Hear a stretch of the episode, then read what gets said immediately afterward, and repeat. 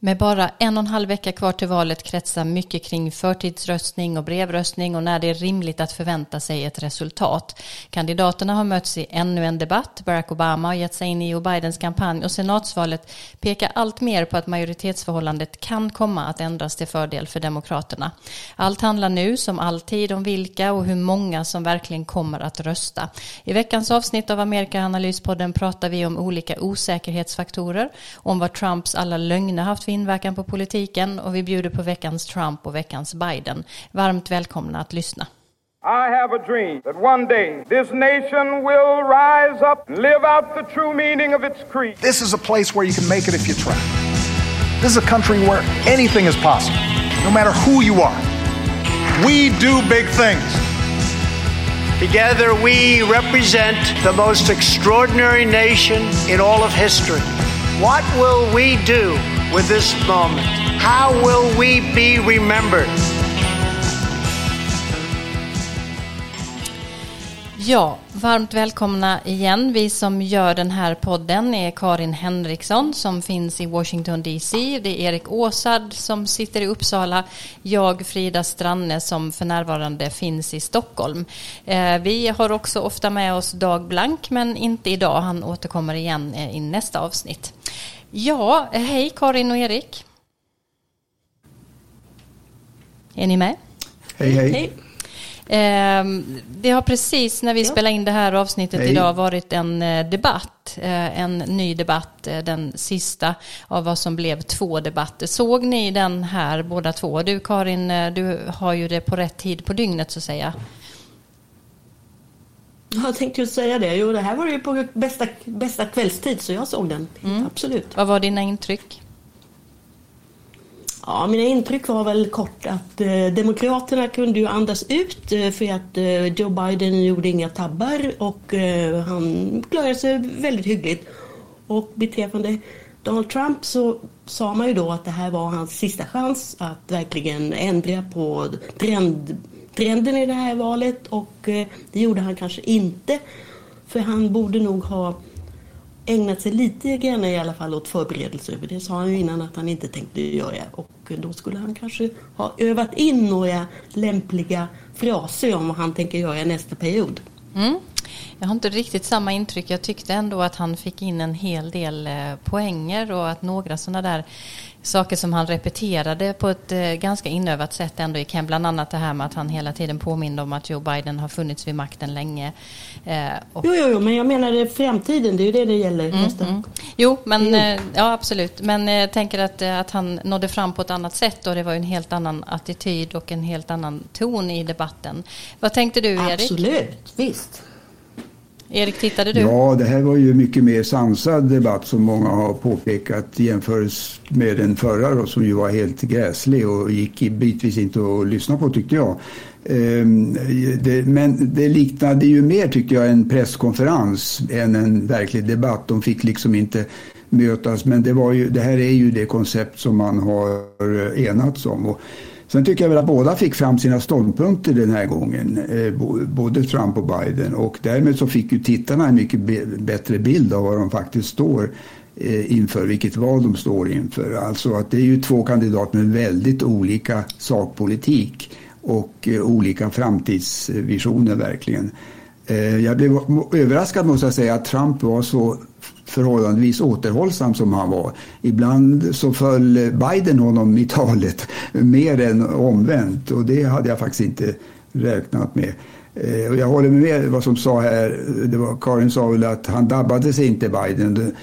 Det, han hade en del bra inlägg tycker jag, eh, Trump också i och för sig utifrån sin utgångspunkt. Men till exempel jag fastnade för vad Biden sa om rasfrågan. Det var ju ett tema. Och där var han mycket mer empatisk tyckte jag. Han talade liksom till den här nuvarande krisen som USA genomgår med raskravaller och, och polisvåld på ett helt annat sätt eh, än, än vad Trump förmår.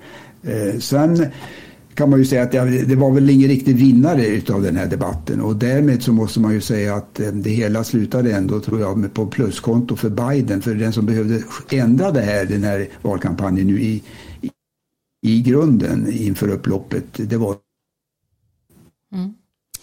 Trump och han lyckades bättre naturligtvis än för. Mm. Du försvinner lite Erik. Eh, jag vet inte om det beror på din... Men... Du, du försvinner lite Erik. Jag vet inte om det beror på din uppkoppling. Eh, men eh, ditt sammanlagda intryck verkar vara att Biden kanske fortsatt står stark efter den här debatten. Stämde det? Ja, jag tyckte han höll ställningarna genom den här insatsen och att Trump just behövde göra en verkligt genombrott här för att komma ikapp Biden här på slutet och jag tycker det lyckades han inte med. Nej. Jag kan säga bara en, en sak till. Jag tycker precis som Erik sa att det här var ju faktiskt en debatt mer eller mindre direkt eller indirekt om sakfrågorna. Allihopa nästan kom ju upp på tapeten. Sjukvård, energi, ekonomi, Kina.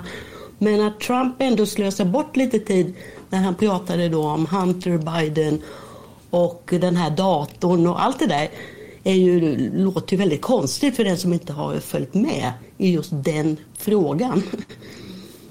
Sen håller jag med de kommentatorer som lyfter fram moderatorns roll här. Hon klarade sig ju utomordentligt bra. Kristen Welker från NBC. Eh, och nu hade hon en lättare jobb då genom att hon hade den här möjligheten att stänga av deras mikrofoner vid vissa tillfällen. Men hon, hon hade skarpa och bra frågor och styrde debatten på ett lyckosamt sätt. Så att hon, hon är ju, tror jag, den blivande stjärnan där på USAs journalisthimmel. Eller vad säger du Karin? Jo, nej, men de har nog väntat att hon skulle klara det bra. Men det är ju ett jättesvårt uppdrag. Men det är som ja. du säger, om inte de där mute-knappen som man säger nu för tiden hade använts så skulle det nog varit en annan ton i alla fall. Mer som Säkert. första debatten. Mm. Det är ju två väldigt olika kandidater och två väldigt olika politiska riktningar som framtonar sig här. Jag tycker verkligen att de lyckades ändå i olika avsnitt eh, få fram eh, en hel del här. Den enda brasklappen jag skulle vilja ändå säga är ju att även om det är väldigt sent nu och val eller debatter påverkar ju inte eh, väljarna speciellt mycket, åtminstone inte i normala fall. Men eh, hade den här sidan av Trump finns det ju kanske ändå en del väljare, framförallt äldre Eh, konservativa och kvinnliga väljare bland republikanerna som har fått nog av hans eh, eh, framtoning tidigare och hur han hela tiden attackerar och, och ljuger och annat och att de såg en annan Trump som de kanske tilltalas av mer. Vet inte om det kommer att spela över på något sätt men det kanske inte är helt obetydligt för några att han var mer samlad och höll sig till en bra debattton. Mm. Ehm, men det återstår att se. Det är som sagt eh, ganska nära in på valet nu och eh, de här debatterna eh, brukar ju inte påverka speciellt mycket. Ehm, vi tänkte ju idag att vi skulle prata bland annat om osäkerhetsfaktorer i det här valet. Det är ju då alldeles snart val den 3 november. Vi har ett mycket spännande, en mycket spännande vecka framför oss eh, och framförallt valdygnen där vi inte alls vet eh, vad som väntar eh, i olika, vad det gäller olika saker. Förtidsröstningen pågår för fullt. Ehm, på sina håll talas det om rekordhögt deltagande och vi har sett långa köer ringla sig runt om på olika platser i USA. Till exempel i Minnesota där det alltid är högre än genomsnittet men där det nu faktiskt kan bli över 80 procent. De flesta bedömare slår fast att Donald Trumps chanser att vinna är eh, förhållandevis små men det innebär inte att chansen inte finns och vi ska därför tala då lite mer om de här osäkerhetsfaktorerna som eh, finns. En sån sak är andra utmanare till de två huvudkandidaterna som ibland kan ställa till det. Här i Sverige talar vi ju om Donald Trump, Mike Pence, Joe Biden och Kamala Harris. Men det finns ju fler namn på valsedlarna, eller hur Karin? Ja, det gör det. Eh, under partibeteckningen L för eh, The Libertarian Party så ställer Joe Jorgensen upp med sin vicepresidentkandidat Spike Cohen. Och under partibeteckningen G för The Green Party finns eh, Howie Hawkins med sin vicepresidentkandidat Angela Nicole Walker. Så det är två kvinnor där alltså. Och i en del delstater finns det ännu fler namn för totalt sett så brukar det vara flera hundra som känner sig kallade och försöka bli amerikanska presidenter. Men eh, tvåpartisystemet är ju som bekant mycket starkt. Och eh, det intressanta med libertarianerna och de gröna det är inte att de har en chans att vinna. För det har de inte. Inte i någon delstat. Men de brukar alltid få ett antal röster. Och det kan bero på att det faktiskt finns väljare som instämmer med deras program. eller på att väljare proteströstar på de här partierna för att de inte är nöjda med de andra. Och eh, det är viktigt ändå att påpeka att valet år 2000 det var ett undantag. För då hade de gröna ett väldigt, en väldigt välkänd och stark kandidat, Ralph Nader, som folk kanske kommer ihåg. Och miljö och klimatfrågorna var ju förhållandevis nya då och liksom engagerade många. Och eh, bland, och det berodde faktiskt lite ironiskt på att eh, den demokratiska kandidaten hette ju Al Gore som ju på många sätt var en pionjär på det här området. Och de gröna fick det året, eller det valet, nästan 3 miljoner röster, vilket motsvarade 2,7 procent. Och eh, det är här någonting som jag har tjatat om många gånger, nämligen att om USA hade haft ett parlamentariskt system så skulle Gore och Nader ha bildat en koalition. Och förmodligen skulle då Nader varit miljöminister. Men istället så bidrog de gröna till att den grönaste kandidaten någonsin förlorade. Mm. Erik? Ja, jag kan fylla på det bara. Jag tittade häromdagen på hur många kandidater som finns registrerade som presidentkandidater och det är 1222 stycken sedan. Det här var 19 oktober eh, som den där siffran kommer ifrån. 1222 som nu alltså finns på valsedeln i tillräckligt många eh, delstater för att de teoretiskt ska kunna nå upp till 270 elektorsröster som vinnaren ju måste ha. Men det är ju bara Trump och Biden som har chans att, att göra det. Eh, vi vet till exempel att eh, rapparen Kanye West, eh, han står ju på valsedeln i 12 delstater men han är förstås chanslös men det skrivs så mycket om honom för han är så välkänd. Va? Jag kan bara inflika en sak också som från den personliga valhistorien att jag mötte en sån här chanslös kandidat i Manchester, New Hampshire. Det var 2004 års val i februari månad där. Jag vet inte om Karin var, bevakade den valrörelsen just då i, i New Hampshire. Det gjorde du kanske? Jag var samtidigt, ja, jag vet. ja.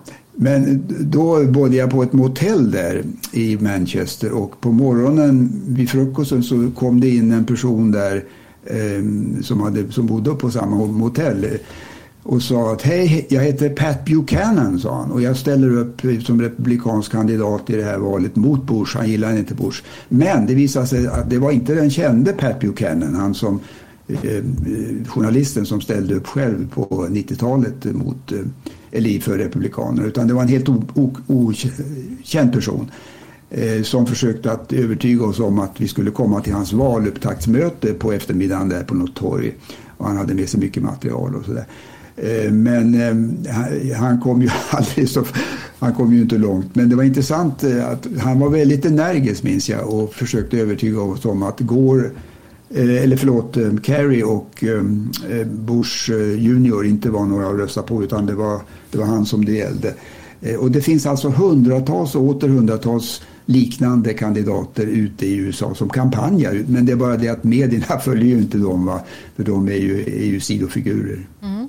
Den spännande frågan då är ju om det här har någon betydelse för utgången i år och vad det eventuellt spelade för roll under valet 2016, eh, Karin? Ja, i det valet så fick Libertarianerna 3,3 procent eh, trots att de hade en ganska blek partiledare som hette Gary Johnson. Och han eh, verkar inte särskilt eh, skarp faktiskt. Men, eh, och de grönas partiledare är Jill Stein. Hon, hon och partiet fick en procent av rösterna och sen fick två andra kandidater en dryg halv procent. Så att eh, tillsammans då så handlar det nästan om 5 procent. Och eh, just 2016 så tror jag man kan säga att, att Gary Johnson var en räddningsplanka. Nu kan man säga också, bara kort nämna att libertarianerna de har en de har en plattform, de har, eh, de har ett, ett, ett sympatisörer. Men just det, i det valet så blev eh, han en räddningsplanka för republikaner som inte ville lägga sin röst på Donald Trump eller Hillary Clinton. Men som sagt 5% totalt. Och om den här gruppen då av väljare går till någon annanstans så kommer ju det kunna påverka i år. Mm. Har vi någon känsla och opinionsmätningar vad de säger om, om eh, alla, framförallt den progressiva vänstern i, eh, i det demokratiska partiet och Sanders-anhängare och andra, eh, om hur, hur de tänker i år många valde ju till exempel att inte rösta för Hillary Clinton förra gången. Precis, precis. Ja, det, jag tror inte jag har sett så mycket mätningar om det och Bernie Sanders själv eh, manade ju sina anhängare att rösta på Joe Biden. Så jag tror den här gången är nog enigheten större. Man vill bli av med Donald Trump och då får man väl hålla för näsan då och rösta på Joe Biden. Mm. Men det är en viktig sån här osäkerhetsfaktor, kanske också eh, intressant att följa då under eh, valet och eh, eftervalsanalyserna sen var de rösterna faktiskt har hamnat och hur många som har valt att gå och rösta. Eh, det finns mycket mer osäkerhetsfaktorer. Karin, kan du eh, nämna några? Absolut, de är jättemånga. Det låter, man vet nästan inte var man ska börja. Men en fråga är, och det är apropå vad du just sa Frida, det här med eh, om folk, om de här Bernie Sanders-väljarna, de är väldigt unga många av dem. Om de verkligen kommer rösta, det vet man inte. Så det är kanske inte så intressant vem de röstar på utan, om de, utan istället om de röstar överhuvudtaget. Det är en fråga. En annan fråga är då som är väldigt viktig och som bidrog till att Hillary Clinton förlorade, nämligen kommer afroamerikanerna att rösta och kommer de att flockas runt Biden som de gjorde runt Obama. Och sen har vi då, då i det här året så talar man om förortskvinnorna som faktiskt också omnämns som the wine moms, vinmorsorna. Mm.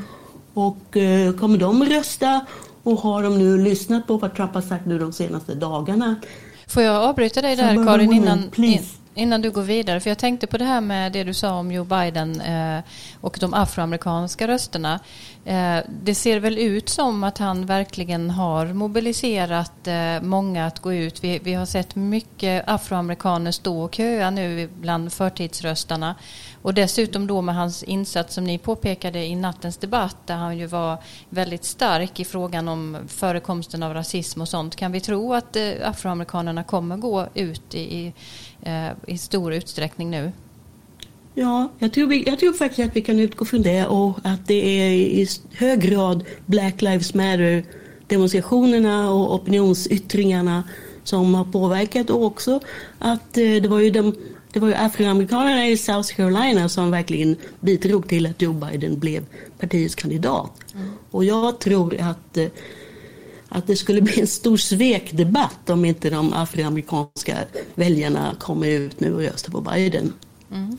Ja, du ska få fortsätta med dina andra faktorer där också. Ja, ja nej, men det var ju det, nästa fråga är ju då som sagt de här förortskvinnorna och de vita männen och eh, om det finns fler som inte har eh, registrerat sig, alltså liksom registrerat sin åsikt ännu. Och eh, också då om, om hur det kommer gå för Donald Trump nu den här sista veckan. Vem vet, det kan ju komma fler överraskningar. Ja, Erik, är det några saker du vill lyfta fram? Ja, vi vet ju från tidigare val hur väljarkåren, de olika grupperna där röstar, att till exempel äldre röstar betydligt mer än yngre. Det är en väldig skillnad mellan röstningsbenägenheten där. Vi vet att minoriteterna röstar övervägande demokratiskt, särskilt då afroamerikanerna. Liksom också stadsborna, förortsborna i ökad utsträckning. Eh, och så vet vi också att folk på landsbygden och i småstäder röstar övervägande på Republikanerna, liksom naturligtvis högre inkomsttagare gör det. Eh, men ni var inne på Joe Biden här och en intressant tendens i år det är ju att eh, han har sämre stöd bland gruppen hispanics eller latinos eh, än vad Hillary Clinton hade. En sådär 8-10 procentenheter lägre stöd än vad hon hade. Och det, är, det är en intressant skillnad. Och det gäller särskilt eh, bland kubanska invandrare. Och det där diskuteras mycket nu. Vad beror det på? Är det är det det att de har den här bakgrunden att de kommer från en diktatur och eh, att Demokraterna har blivit liksom ett vänsterparti för dem mycket och Bernie Sanders inverkan och allt detta. Det kan man spekulera om. Men I Florida liksom- ser man det där tydligast och eh, det är ju en av de här strategiskt viktiga delstaterna som Karin var inne på. Men samtidigt så verkar det som om Biden också kompenserar Eh, den här sämre ställningen som man tydligen har bland latinos genom att ha starkare stöd bland framförallt äldre och kvinnliga väljare än vad Hillary Clinton hade 2016. Mm. Eh, jag ska inte sätta dig på pottkanten angående siffror men när det gäller de yngre väljarna då eh, framförallt i 20-årsåldern. Jag har för mig att det är ganska eh, förfär, förfärande låga siffror på hur många som faktiskt röstar, ner mot en 30 procent. Är det, ehm, är det så lågt och vad, vad betyder det? Ja, det, det, är lågt. Jag vågar inte svära på den siffran. Men det är alltså eh, äldre personer röstar sådär över 60 procent eh, går och röstar. 60-70 procent till och med. Medan yngre kanske har en halverad röstning jämförelsevis. Då. Och ja, det beror ju på en mängd olika saker.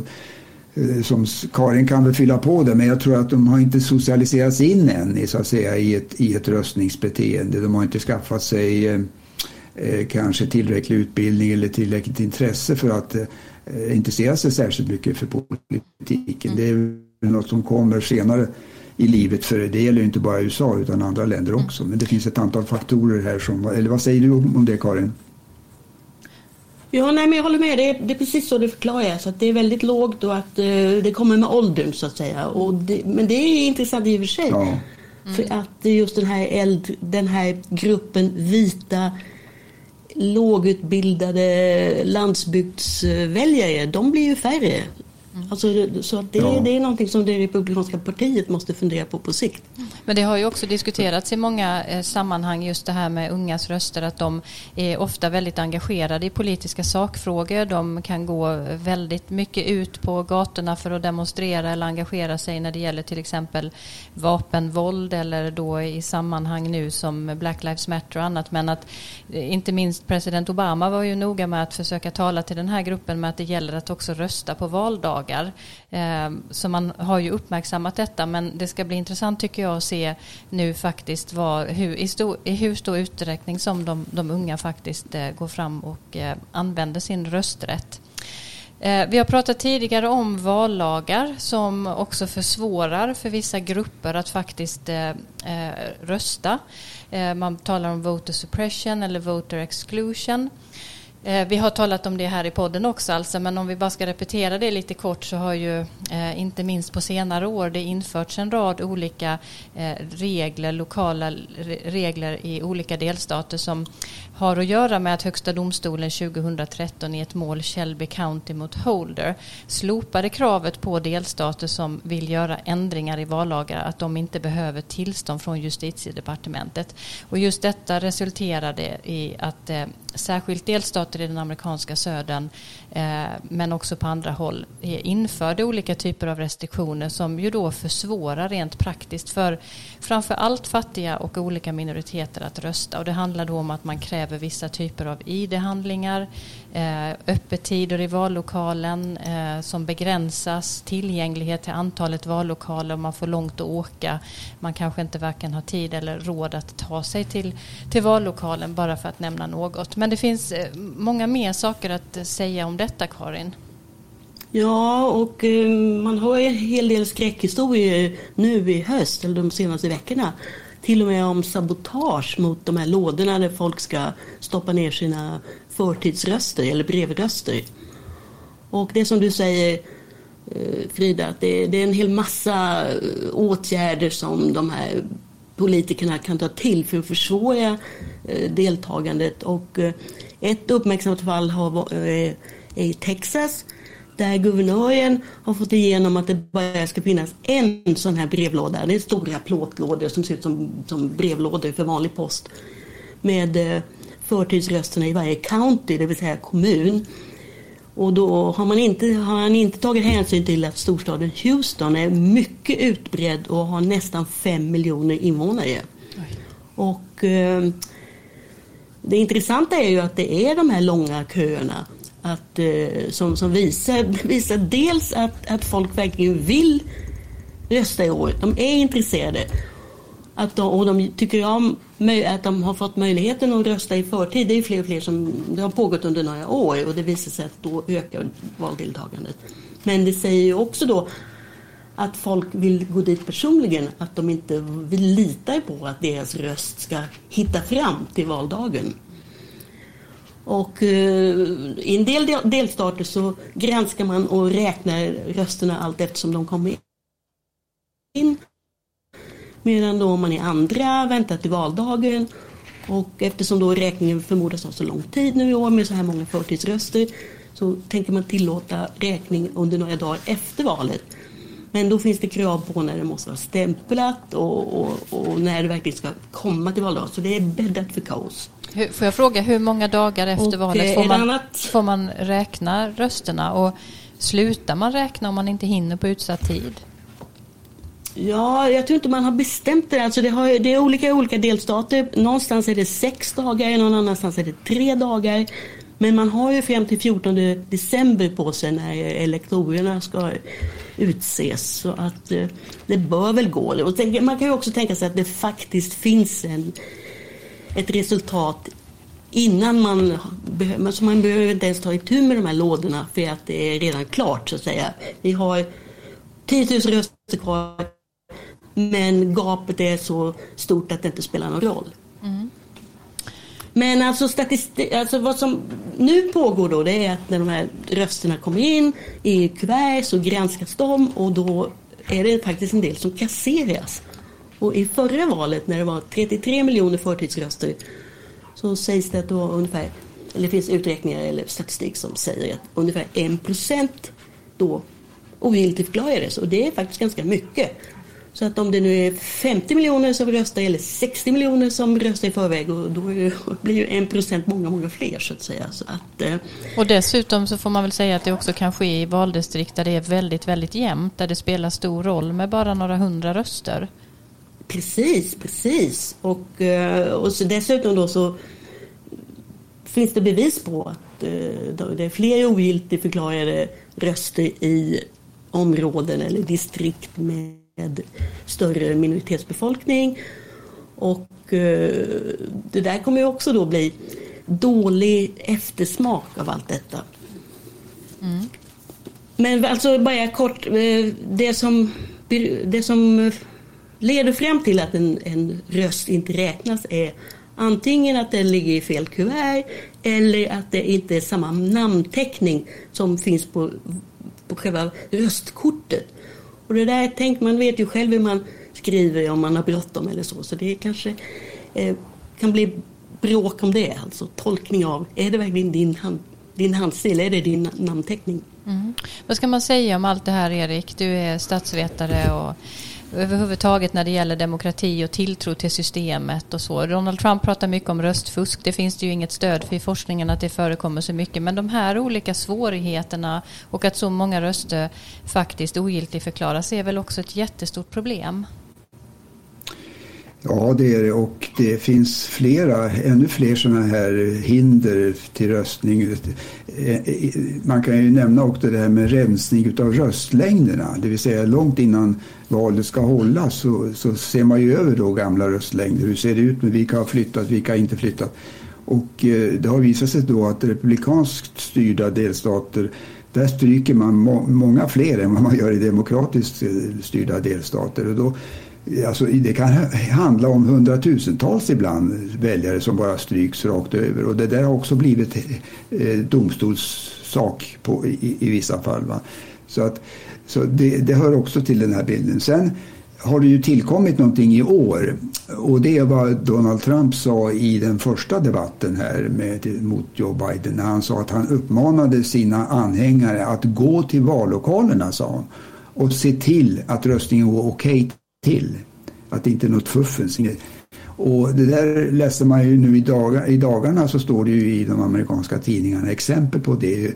Att eh, det finns Folk står ju i långa köer nu och förtidsröstar. Att det finns eh, folk då eh, som har stått med Trump flaggor och eh, en del till och med med pistoler i hölsten och uttalat sig hotande mot de som står och ska rösta. Va? För att man ser ju faktiskt på de här förtidsrösterna idag, det är ganska tydligt tycker jag att se vilka är, vilken grupp de tillhör. Är de republikanskt röstande eller demokratiskt?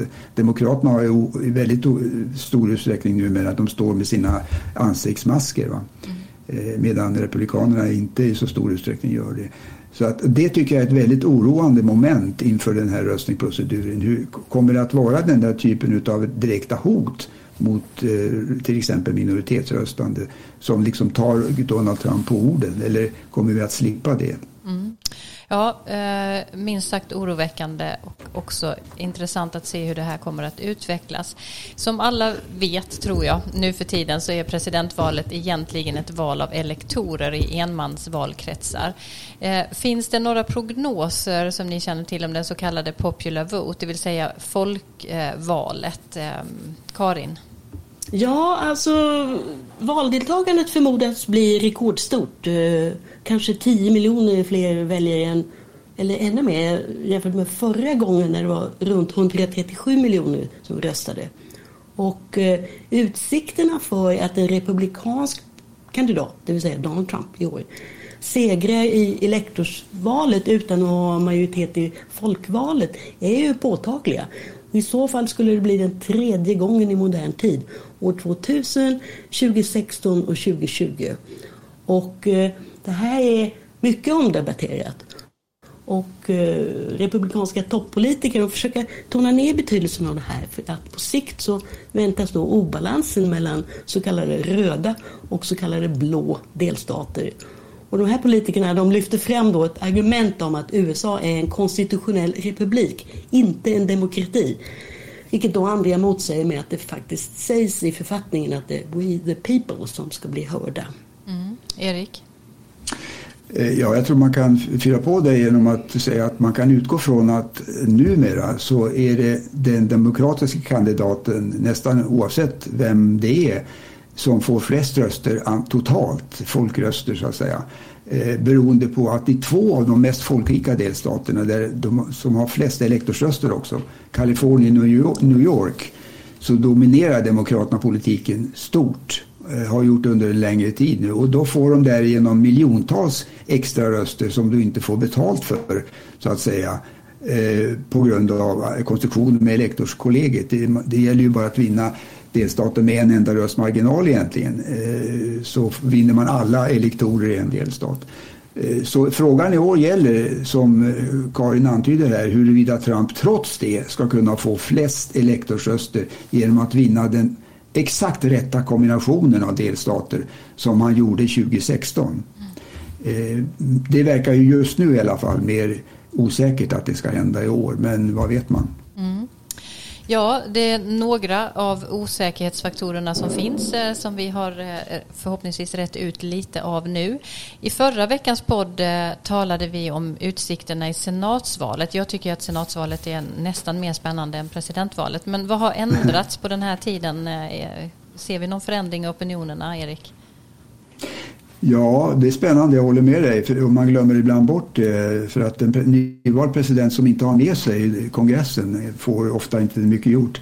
Eh, ja, det är ju jämnt i år i ett antal eh, delstater som eh, tidigare har ju lutat starkt åt Republikanerna. Det, det är det nya året. Vi, vi ser det i Arizona. Eh, där John McCain hade ju en, en senatsplats länge och en kollega som också var republikan. Vi ser i Colorado som har en eh, republikansk eh, eh incumbent, en som ställer upp till omval, Gary, eh, vad är han heter nu, Gardner va? Cory Gardner. Eh, vi ser det till och med i South Carolina och Georgia som är sådana här väldigt röda delstater, alltså republikanska delstater. Ehm, I South Carolina så utmanas ju Lindsey Graham eh, som har suttit länge i senaten utav en demokrat som heter Jamie Harrison. Jag undrar om inte Karin och eh, tog upp det den, den eh, tidigare, tidigare program. Visst gjorde du det? Du träffade honom, intervjuade honom till och med. Mm, mm. Precis, och där är de senaste siffrorna att de ligger ungefär jämsides. Och i Georgia, och det tycker jag, jag blev alldeles häpen när jag läste det på hemsidan Politico här att där utmanas den sittande republikanen, han heter David Perdue utav en demokrat som heter John Ossoff och de har, ligger nu båda lika i mätningarna, 43 procent för båda. Ehm, och den enda delstat där liksom traditionella eh, delstaten för republikanerna eh, som verkar gå deras väg just nu i opinionen det är Alabama där nog demokraten Doug Jones får svårt att Eh, Eh, att bli omvald. Det skulle förvåna mig. Eh, vi har ju ett läge nu där 53 utav platserna är republikanska i senaten och 47 utav eh, de återstående är demokrater. Och det ingår då två oberoende, Bernie Sanders och Angus King. Men de röstar ju med Demokraterna i senaten. Men Demokraterna behöver alltså vinna fyra platser för att kom, få majoriteten då med en röst. Och det hänger, det hänger på hur det går i de här delstaterna som jag just eh, nämnde. Mm. Och det spelar ju i sin tur oerhört stor roll för den som också vinner Vita huset, vad den har för majoritet med sig i eh, kongressens båda hus. Nu byter vi ämne.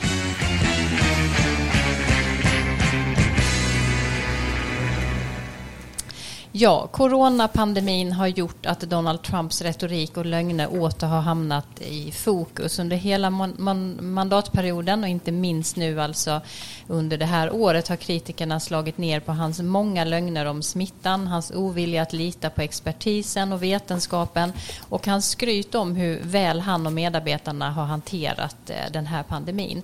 Washington Post räknar dagligen lögnerna och har nu kommit upp i över 20 000 stycken totalt. Det gör i snitt 15 lögner och halvsanningar per dag. Eh, du tar upp detta Erik i din nya bok Med lögnen som vapen där du ger många exempel på Trumps lögner och vilseledande påståenden under presidentperioden. Vad är det som är så speciellt med Trumps lögner Erik? Ja, det är framförallt omfattningen av dem, att det är systematiskt eh, som man använder sig av de här lögnerna eh, i, i politiken som ett vapen alltså. Eh, sen kan man ju säga, du sa det här att det är i snitt 15 stycken lögner och halvsanningar per dag och det så skriver jag i min bok och det är en gammal siffra. Nu verkar det som att just under valkampanjen här så har han ökat på den där siffran drastiskt och Washington Post skrev häromdagen att nu är han uppe i 50 lögner och halvsanningar per dag. Vilket innebär ju att så fort han öppnar munnen så kan man vänta sig en sån här lögn. Eh, nu, nu är det ju så här att det finns ju triviala lögner skulle man kunna säga då, eh, som inte berör så att säga politikens kärna. Eh, och sen finns det väldigt allvarliga lögner som kan få väldiga konsekvenser. Och man kan ju nämna då att till de här triviala lögnerna tycker jag, det är ju då när han säger till exempel, han berättar om familjehistorien eller om sig själv, någonting typ att pappan säger att han föddes i Tyskland. Det sa han så sent som 2019 Eh, på ett väldigt underbart ställe där i Tyskland säger han och det gör mig till en varm vän av Tyskland och så där går han på. Men alla som vet någonting om familjen vet ju att pappan föddes i New York 1905 och då kan man ju undra varför, varför ljuger han om en så lätt eh, eh, kontrollerad sak. Eller när han sa när Trump Tower stod klart i mitten på 80-talet så sa han till pressen att här ser ni nu en fantastisk byggnad här. Den är 68 våningar hög, sa han. Och den rätta siffran är då 58. Och det är också en sån här sak som man, ja, det är en bagatell kan man tycka, men det, där ser man systematiken i lögnerna. Han måste liksom hela tiden överdriva och ställa sig själv liksom i så positiv dager som möjligt. Um, sen kan man ju säga att det finns mycket mer allvarliga lögner då eh, med allvarliga konsekvenser. Och, eh, och i, pandemin är ju verkligen en, en sån period, eller en sån händelse där, där det har visat sig. Va? Han sa i början av mars, när just pandemin hade drabbat USA eh, hårt, så sa han om möjligheterna för alla amerikaner att testa sig för covid-19 eh, så här. Vi kan lyssna på en ljudillustration. Importantly, anybody right now and yesterday, anybody that needs a test gets a test. We, they're there. They have the test. And the tests are beautiful. Anybody that needs a test gets a test. If there's a doctor that wants to test, if there's somebody coming off a ship, like the big monster ship that's out there right now, which, you know, again, that's a big decision. Do I want to bring all those people on? People would like me to do that. I don't like the idea of doing it. But anybody that needs a test can have a test. Mm. Ja, här säger han alltså att alla som, kan, som vill ha en test kan få en test och så var det inte då och så är det faktiskt inte idag heller. Va? Man har ju ökat antalet tester eh, gradvis eh, och, och, men det har tagit väldigt lång tid precis som i alla andra länder men det är ju väldigt få statschefer som uttalar sig på det här sättet i andra länder som han gör här. Att han, han bara slänger ut sig en sak och eh, Eh, har, ingen, har ingen bas för det. Alltså, när han sa det här yttrandet så tror jag att antalet tester i USA var ungefär 25 000 om dagen. Och eh, kännarna säger ju att man behöver, miljon, man behöver testa miljoner människor varje dag va, för att ha koll på utvecklingen och göra den här smittspårningen och allt detta som behövs. Så att eh, eh där, pandemin är verkligen ett exempel på där hans lögner har florerat och eh, på ett eh, mycket destruktivt sätt. Mm. Eh, det finns nog de som skulle säga att det är väl inget nytt att amerikanska presidenter av och till har farit med osanningar eller ljugit. Det har hänt flera gånger tidigare, till exempel när USA varit indraget i olika krig. Vad, vad är skillnaden? Eh, nej, just det. Det, det, har ju, det har ju förekommit så länge USA har varit där som nation. Så att det finns ju många exempel i, i modern tid, även om man går tillbaka i tiden Eh, på det. Eh, Vietnamkriget som du nämner är kanske ett, ett väldigt bra exempel för att det var det ju flera presidenter ifrån Eisenhower i princip fram till eh, Nixon som ljög om, om det krigets utveckling och, och, och, och, och vilka effekter det hade. Eh, sen finns det ju andra typer av lögner som man ser framförallt just i samband med krig och konflikter. Eh, eh, Irakkriget minns ju alla som är någorlunda vuxna, alltså uppmarschen till det, de här massförstörelsevapen, det var ju argumentet för att intervenera i Irak och man hittade ju inte några sådana vapen. Va? sen finns det ju eh, exemplet då Bill Clinton som ljög om sin relation till Monica Lewinsky och det var ju mer en privatsak så att det, det, han blev ju hånad lite för det naturligtvis och efterräkning, han blev ju ställd inför riksrätt också men, men det anses inte liksom vara på samma nivå som den här grova lögnerna om krig och, och, och, liknande. Du skiljer i boken på olika slags tillägga, lögner. Skulle, ja. ja, förlåt, jag skulle tillägga det. Att det som skiljer då Trump ifrån de här tidigare lögnerna det är alltså eh, det är omfattningen, att det är systematiskt och att han hela tiden eh, fortsätter med det. Och just nu när han står inför utsikten att eh, kanske förlora makten, vad vet vi, eh, att han ytterligare fortsätter och steg, det, han höjer liksom eh, lögnnivån ytterligare. Mm. Vilka är de mest allvarliga konsekvenserna av alla de här lögnerna? Ja, eh, de är flera. Får jag bara säga först att det, det, jag tycker det finns en variant av de här lögnerna som är intressantare än andra och det är det, det, vad Marsha Gessen har kallat för maktlögnen, the power lie. Hon är ju ryska från början och numera verksam i USA. Hon gör jämförelser mellan Putin och Trump på ett intressant sätt i sina skrifter. Och vad är det för någonting, maktlögnen? Jo, det är när en makthavare och man kan jämföra här vilken som helst. Alltså det kan vara mobbaren på en skolgård som har tagit en täckjacka av sin kompis och går omkring med den utan att visa någon skam. Och när någon frågar men du har ju Olles täckjacka på dig. Nej, säger han då, mobbaren. Nej, det är min egen. Jag har köpt den för dyra pengar. Och där liksom räcker det inte som i normalfallet, alltså en normal lögn. Där kan man ju invända och argumentera med hjälp av fakta och säga att du har fel och fel på den punkten. Men det hjälper inte mot maktlögnen därför att där är det makten som talar. Och i Trumps fall så tror jag att han utnyttjar just den eh, egenskapen. Han, han, han, vet nog i många fall, tror jag, att vi vet som åskådare att han ljuger, men gör det ändå. Va?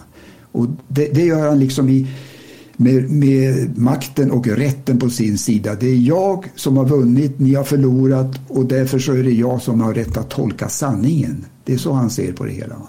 Och konsekvenserna av det där som du frågade om, det är ju, de är ju mångahanda. Eh, ja, man, kan se, man kan se det på många olika nivåer. Det är ju så här att om, om chefen i en hierarki ljuger, va? då måste också medarbetarna göra det. Det går inte att undvika det, för att deras jobb det är ju att förklara och understödja chefen. Och gör de inte det, då får de ju sluta. Och det är ju massor med folk som har gjort det. Va? Och sen anhängarna Eh, till Trump, eh, de verkar ju i väldigt stor utsträckning tro på vad han säger. Så att det filtrerar, lögnerna filtreras ner från toppen ner till botten. Och det gör att polariseringen i samhället ökar ytterligare. Va? Polariseringen är ju inget nytt, men det har stärkts starkt under Trumps eh, chefskap här, eller presidentskap. Och det gör att i sin tur att språket förråas när de här lögnerna sprids. Och det blir svårare och allt svårare att enas om vissa basfakta eh, för en diskussion, för en rationell diskussion. Till exempel så ser vi ju nu att Republikanerna eh, har en helt annan syn på det här virusets farlighet än vad Demokraterna har. Det är en oerhörd skillnad. Jag tror 20-25 procent av Republikanerna eh, tror att det här är farligt och någonting att bry, bry sig om. Medan Demokraterna är uppåt 80 procent. Mm. Och det beror mycket på, tror jag, att Trump, de litar på honom. Vad han säger då att det här är snart faran över, vi har ett virus som kommer att försvinna och vaccinationen är bakom knuten, säger han. Det tror de på. Och där ser man hur den typen av lögner kan vara direkt hälsovådliga. Ni kommer ihåg när han stod på en presskonferens och sa att man ska inhalera eller dricka desinfektionsmedel, sa han. Och det var väl en del som gjorde det och då blir ju lögnerna direkt hälsovådliga. Mm. Karin, eh, har amerikanerna vant sig vid alla de här lögnerna? Ja, det är en bra fråga. Men jag tror du har varit inne på det och jag också kanske att eh, det är många, jag tror faktiskt att det är många Trump-väljare som kanske inte tror på lögnerna. De, de ser det som hans sätt att eh, vara och att prata och att det liksom, de förstår att äh, det, där, det där menar han inte. Men eh, jag tror för många föräldrar i USA är det här ett stort problem. För hur ska de kunna tala om för sina barn, du får inte ljuga, om presidenten gör det? Mm, och det tror jag, tycker jag att jag har uppmärksammat just i intervjuer med många av eh, republikanska kvinnor som nu har övergivit Trump åtminstone tidigare och som ju har hävdat det. Jag kan inte eh, rösta längre på en person som, eh, som ljuger och har det här beteendet för, jag, eh, för mina barns framtid. Det har varit ett argument som har dykt upp här och där. Men jag har träffat många under många resor i USA de senaste åren som samtidigt har sagt eller ryckt lite på axlarna och lögnerna och sagt att ja, ja, vi vet att han ljuger om det ena och det andra, men vi gillar hans politik och alla politiker ljuger. Så att eh, det finns ju också där den, den känslan hos många. Eh, men, Visst, men det, det, är jätteviktigt det du säger på slutet att, att eh, alla politiker ljuger och det ingår ju då i sin tur i liksom, politikerföraktet som bara ökar. Mm, ja, och som är ju väldigt allvarligt eftersom eh, tilltron till politiker och framförallt Washington då eh, är ju väldigt låg bland många. Eh, ja, Erik, din bok med lögnen som vapen ser jag överallt i bokhandlarna nu. Eh, så det är ju en uppmaning till alla våra lyssnare att eh, införskaffa sig den. En, en väldigt intressant och viktig bok. Eh, tack så mycket för eh, det. Nu går vi vidare.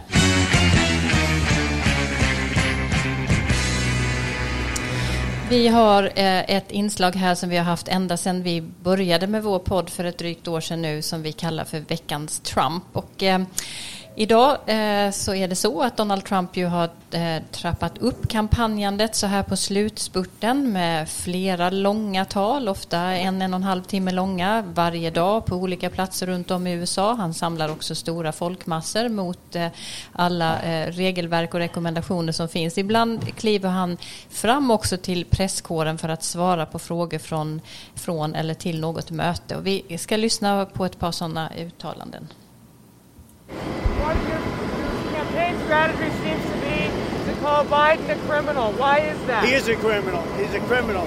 He got caught, read his laptop, and you know who's a criminal? You're a criminal for not reporting it. You are a criminal for not reporting it. Let me tell you something. Joe Biden is a criminal, and he's been a criminal for a long time, and you're a criminal in the media for not reporting it. Good luck, everybody. Have a good time. Have a good time. Our stock market is almost at the all time high in our history.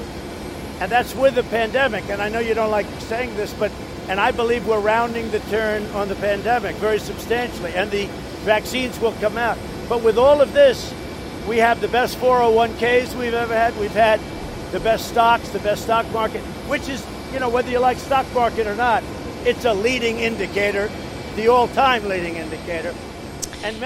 Ja, Karin, det är du som är vårt öga och öra i Washington eh, i det här enorma flödet av Trump-uttalanden och det är du som brukar plocka fram de här. Kan du förklara vad det är vi har hört han säga här i de här två klippen? Ja, det där, det var, det, egentligen var det två citat och eh, både, eh, på olika dagar eh, från Arizona den här veckan där han var och valtalade. Och eh, i det första så anklagar han Joe Biden för att vara en brottsling och medierna för att vara medbrottslingar för att de inte då rapporterar om den här sonen Hunters eh, affärer. Och i det andra så berättar han om ekonomin och om, eh, om aktiemarknaden och hur fantastiskt allt har varit. Och det här då är, det är liksom en slags koncentration av kandidaten Trump. Att han då går till attack, han klagar alla emot honom. Medan han då, när han för en gångs skull tar upp ekonomin, att den är stark, att eh, tyvärr eh, kom ju den här hemska pandemin från Kina. Men jag har ju lyckats eh, bygga upp den starkaste ekonomin någonsin och jag kan göra det igen. Och det är ju ett argument som han borde föra fram och som också kampanjmakarna sägs säga till honom i en rum. Men han gjorde ju inte det till exempel igår tillräckligt mycket på debatten. Eh, ja, eh, vi har också nu på bara senaste tiden haft eh, veckans Biden eftersom det här nu har blivit ju, eller gått in i ett skede mellan de här båda kandidaterna. Och han ransonerar sina framträdande i veckan men han ställde upp på en utfrågning i kanalen ABC trots den här debatten som var i natt då som han annars förberedde sig för. Vi ska lyssna på honom också. So, but what I will do, uh, I will hopefully I'll go back to being a professor uh, at the University of Pennsylvania and making the case that I've been made and at the Biden Institute at the University of Delaware, focusing on on uh, the same issues relating to what constitutes uh, um, decency and honor in this country. Uh, it's, it's a thing that got me involved in public life to begin with. As a kid, I moved from Scranton, where there were no African Americans, and moved down to Claymont, Delaware, and and in Delaware we have the eighth largest black population as a percent of population. It was an epiphany for me seeing what was going on, and I got deeply involved. I'm no great shakes. I don't mean I'm, I'm, I'm I wasn't John Lewis. I don't mean to imply that, but it's the thing that's motivated. My dad used to have an expression for real. He said everyone's entitled to be treated with dignity, everybody, and it was real. Everybody is.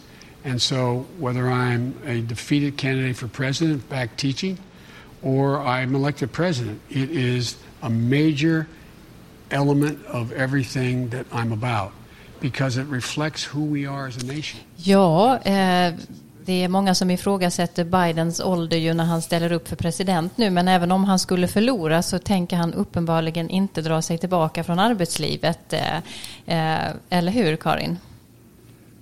Nej, han säger ju att han eh, tänker gå tillbaka och, och, bli lärare igen och att han då kommer fokusera på de frågor som han alltid har gjort, eh, nämligen eh, rasrelationer och, och mer samförstånd i landet. Och det där svaret har faktiskt spelats upp ganska mycket i den här veckan för det är många som menar att det där är den Joe Biden som har synts i offentligheten i många år, att det alltid har varit hans ledstjärna att, eh, att försöka nå samförstånd som sagt. Och eh, att det, det är också som i det här valet betyder, eller som speglar skillnaden mellan de två kandidaterna. Och att det är den här personligheten som Biden då visar upp som gör att många tror på honom. Mm. Eh, vad kan vi vänta oss den här kommande veckan nu av de här båda? Deras kampanjmöten ser ju väldigt olika ut. Eh, Trump drar ju stora skaror eh, av åhörare eh, och även om det kanske inte har blivit så som han hade tänkt sig men eh, han håller ändå sina möten. Joe Biden gör det i en helt annan form ofta eh, med att folk sitter i sina bilar och eh, träffas ju då med en, en väldigt stort avstånd och i eh, mindre antal. Men hur, hur kommer det här se ut sista veckan nu eh, och hur kommer eh, jargongen och, och, samtalen gå också nu efter den här debatten tror ni Karin? Ja, det är en intressant fråga. Uh, Såklart, det var ju korkat inflikande där. Men ja, det, det är som du säger, Trump väntas nu hålla fler möten om dagen. Han ska ha sagt att han tänker rösta på söndag. Och uh, han kommer säkert vara ute hela tiden i medierna och då kanske kväva Biden. Men vi får väl se också, lite oklart, var Barack Obama ska vara någonstans. Han eh, höll ju sitt första valtal nu i veckan och eh, ja, det var väldigt hårt mot Trump. Så att om han kommer ut mera och Michelle Obama kanske, just med den här afroamerikanska magnetkraften som de har. Så det, det blir intensivt. Mm. Erik, är det någonting du tittar på nu särskilt den här sista veckan som du tycker är intressant?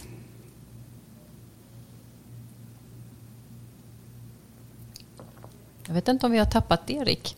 Nu fick vi i alla fall inget svar om, av honom så att vi får väl gå in på vårt sista ämne som vi brukar avsluta med den här podden, nämligen bortglömda nyheter eh, som ju är eh, många faktiskt, i de, inte minst i de här tiderna när det är så stort fokus på kampanjer och debatter och det som händer i valet. Men eh, världen står ju inte stilla och inte andra saker i USA heller. Så vad skulle du vilja säga Karin att vi har eh, inte hört tillräckligt om i det här flödet av valnyheter? Oj, den listan skulle bli väldigt lång. Jag tänkte bara nämna, jag vet inte om det har uppmärksammats, uppmärksammats i Sverige, men det finns ju undersökningar som har gjorts in i EU-länder om hur Trump skulle klara sig om han vore kandidat hos dem. Och eh, Sverige då, där sägs att 18 procent kan tänka sig skulle rösta på, på Trump. Och det är faktiskt ganska, en ganska högt tal. I Danmark är det bara 3 procent. Så man kan ju ställa sig frågan vad det betyder. Mm, verkligen. Är du tillbaka Erik?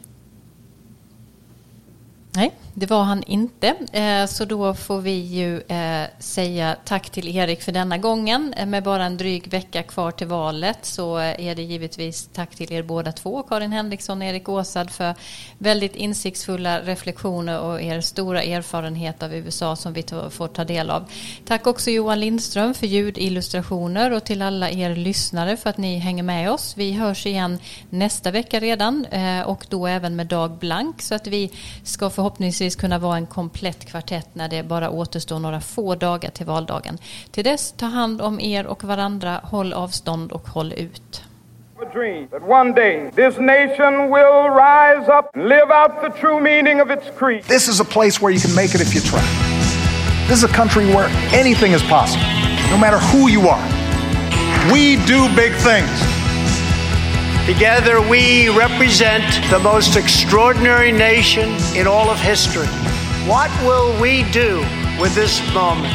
How will we be remembered?